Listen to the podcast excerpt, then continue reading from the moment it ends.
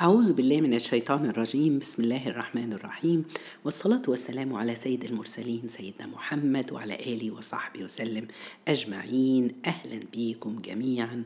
كل سنة وأنتم طيبين. كل سنة وإحنا كلنا إلى الله أقرب. الحمد لله. خلاص رمضان شهر الخير شهر الرحمات شهر المغفرة شهر العتق أغلى شهر في السنة كلها على الأبواب. كلنا منتظرين وسعداء بقدومه. يا رب اجعلوا رمضان خير علينا كلنا. واعتق رقابنا من النار ورقاب آبائنا وأمهاتنا وأهلنا جميعا وأحبابنا وإخواننا وأخواتنا في الله. يا رب اجعلوا رمضان خير على الأمة كلها. وحشتوني وحشتوني اشتقت لرجوعنا نتجمع كل يوم في رمضان زي كل سنة بفضل الله وكرم من الله سبحانه وتعالى بقالنا سنين طويلة بنجتمع كل يوم في رمضان. ربنا يعلم إن الواحد عنده عاطفة حب حب في الله كبيرة قوي بتجمعنا بيجمعنا قول النبي صلى الله عليه وسلم إن حول العرش منابر من نور عليها قوم لباسهم نور ووجوههم نور وليسوا بأنبياء ولا شهداء تخبطهم الأنبياء والشهداء. قالوا صفهم لنا يا رسول الله مين دول يا رسول الله؟ فقال النبي صلى الله عليه وسلم هم قوم اجتمعوا على محبة الله وطاعة الله على غير أنساب بينهم. إحنا إن شاء الله أعتقد إن إحنا إن شاء الله من هؤلاء الناس. إن شاء الله هنجتمع في رمضان السنة دي زي رمضانات الأعوام الماضية. اجتمعنا وبنجتمع كل يوم على طاعة ربنا. عاوزين نتعلم عاوزين نفكر بعض عاوزين نحمس بعضنا على الخير وفعل الخير. ربنا يتقبل يا رب مننا جميعا.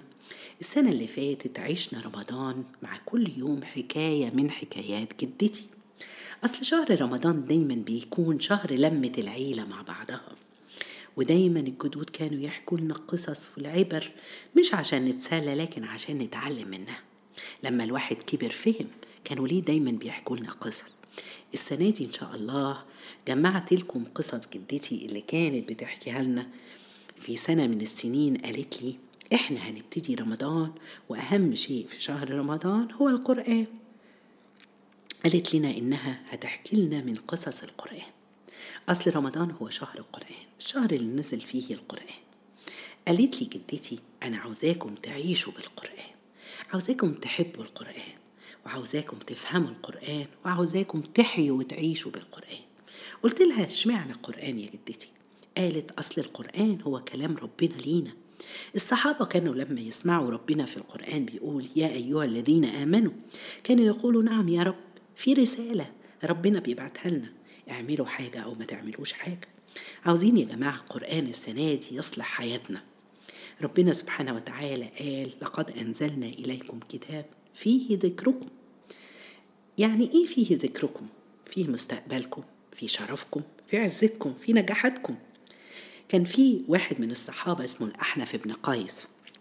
كان كل يوم يصحى يفتح المصحف ويقول لأنظر كيف يذكرني ربي اليوم يفتح يلاقي مثلا مرة فتح لقى آية إن الله اشترى من المؤمنين أنفسهم وأموالهم بأن لهم الجنة فيقول لست من هؤلاء مش واثق إن هو من الناس دي.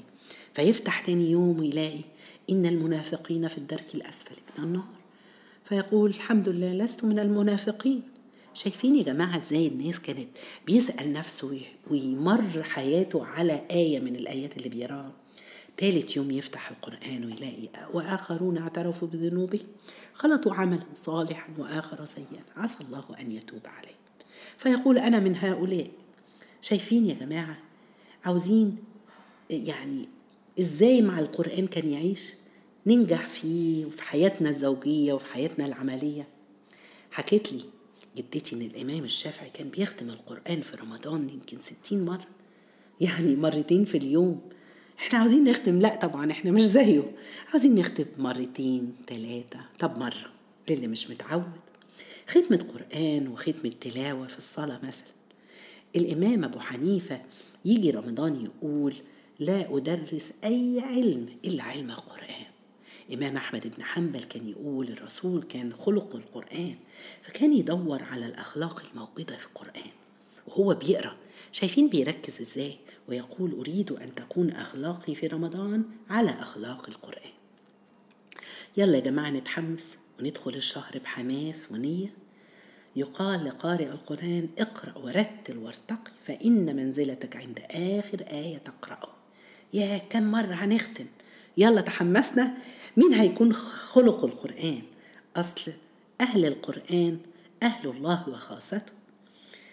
يعني بخت يا بختك اللي هتكون من أهل الجنة تحت عرش الرحمن. بس مين دول أهل القرآن؟ اللي بيعملوا بالقرآن اللي أخلاقهم القرآن. ده إن شاء الله رمضان السنة دي.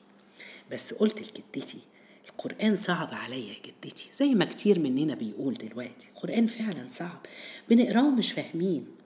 قالت لي وهي علشان كده في رمضان هنمسك هنحكي قصة كل يوم قصة من قصص القرآن. قالت لي إن قصص القرآن هتعمل لي أربع حاجات. تعالوا نشوف إيه الأربع حاجات اللي القرآن هيعملها لنا. أول حاجة بيعلمني إزاي أحب وأفهم القرآن. تاني حاجة هيعلمني إزاي أصلح أخلاقي وأنجح أنا وأسرتي بالقرآن. هيعلمني إزاي أتعلق بأسماء الله الحسنى ونحب ربنا. هيعلمني إزاي تحيا الأمة دي. يعني إيه؟ تعالوا نشوف أول حاجة قالتها. تحب وتفهم القرآن. كلنا بنقرأ مش فاهمين. عندنا مشاكل. هي قالت لي قصة حاجة جميلة قوي. قالت لي أصل قصص القرآن هي قصص حدوتة حكاية.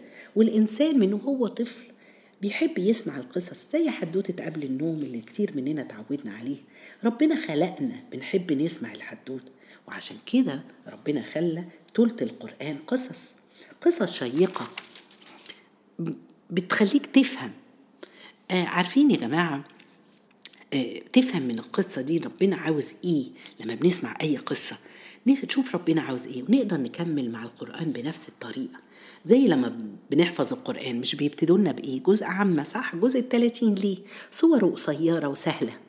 آه برضو زي ما بيكون إيه لما بنحفظ القصير والسهل نقدر منه بعد كده نرجع بقى ندخل على البقرة وآل عمران الصور الأكبر بعد كده. زي ما يكون الواحد كده عاوز يركب سفينة مش بيحطوا له لوح خشب عشان يطلع منها على السفينة ويركبها؟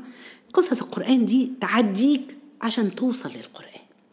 قالت لي مرة جدتي هتشوفي من بكرة أول ما نبدأ أحكي لك قصص القرآن ونفهم القصة هتعرف ربنا عاوز يقول لك إيه في كل. مفيش سورة في القرآن على فكرة إلا وفيها قصة. مفيش جزء في القرآن إلا وفيه قصة. القرآن من أوله بيبدأ بقصة وإذ قال ربك للملائكة وإني جاعل في الأرض خليفة. قصة خلق سيدنا آدم. وفي آخر القرآن ألم ترى كيف فعل ربك بأصحاب الفيل؟ نهاية القصة نهاية القصة. دي في أسماء كمان صور كتيرة بأسماء قصص. سورة البقرة سورة الكهف سورة مريم. ده كمان في صورة كاملة ممكن تكون كلها قصص. سورة سيدنا يوسف كل السورة هي نفسها قصة. سورة الكهف خمس قصص. سورة القصص عبارة عن قصص كلها. يبقى أول حاجة القرآن إن شاء الله هيعمل معانا إن إحنا نحب ونفهم القرآن. تاني حاجة هيصلح لنا حياتنا. إزاي يا جدتي؟ سألتها. قالت أصل القصص اللي هحكيها لكم مش قصص الأنبياء دي قصص ناس عادية. أنا اخترت السنة دي يا جماعة هنحكي قصص مش الأنبياء. قصص ناس عادية ذكرت في القرآن. قصص ناس زي وزيك. القرآن فيه حاجتين. زي ما بقول لكم أهل. مثلا قصص الناس العادية أهل الكهف. هما مش أنبياء صحاب شباب ناس عادية. كل واحد فينا محتاج يشوف نفسه في كل قصة من القصص دي. كل واحد فينا عنده قصص كتيرة في حياته. تخيلوا ربنا في كتابه الخالد اختار قصص معينة. ليه؟ عشان كل واحد فينا يشوف مين اللي في القصة دي شبهه. مين اللي في القصة دي وتصرف إزاي؟ يبقى أنا مطلوب مني أتصرف إزاي؟ عشان كده في أبطال القصص دي ناس برضو زي ما في ناس كويسة ناس مش كويسة. لأن الدنيا فيها الكويس والوحش. قارون هابيل أصحاب الجنة اللي خانوا أبوهم. هي قصص قديمة بس هي قصص مستمرة على مدار السنين والأعوام إلى يوم القيامة. تالت حاجة قالت لي إن قصص القرآن هتنفعي. إزاي نتعلق بأسماء الله الحسنى؟ لما تعرفوا في قصة مثلا سورة الكهف سبع شباب أمنوا بربهم. ربنا غير لهم نواميس الكون. هنعرف إن ربنا الكريم إن ربنا القادر على كل شيء. رابع حاجة إزاي نحيي الأمة؟ أمتنا بقت حالتها صعبة. قصة ذو القرنين مثلا اللي طاف العالم كله بيصلح فيها عمره ما ظلم ولا أخذ يعني خير الناس لف على خمس أمم. يا ترى إحنا في أي أمة منهم؟ دي قصص القرآن. اشتقتوا زي ما أنا اشتقت. جدتي إحنا كلنا اشتقنا. وإنتوا كمان لازم تشتاقوا. أنا عاوزة إن إحنا نجرب يا جماعة نلم العيلة. نحب يبقى جو بتاع بتاع زمان متلمين حول الجدود. ولو الجدود مش معانا إحنا نلم ولادنا حوالينا ونسمعهم. الدروس دي والقصص دي ونتناقش فيهم. يبقى مجال لإن إحنا نتناقش مع بعض ونشوف إيه اللي إحنا عاوزينه. يلا اشتقتوا؟ أنا اشتقت. إن شاء الله نلقاكم غدا نجتمع مع أول قصة من قصص جدتي من سور القرآن. أشوفكم بكرة إن شاء الله. نقول الحمد لله.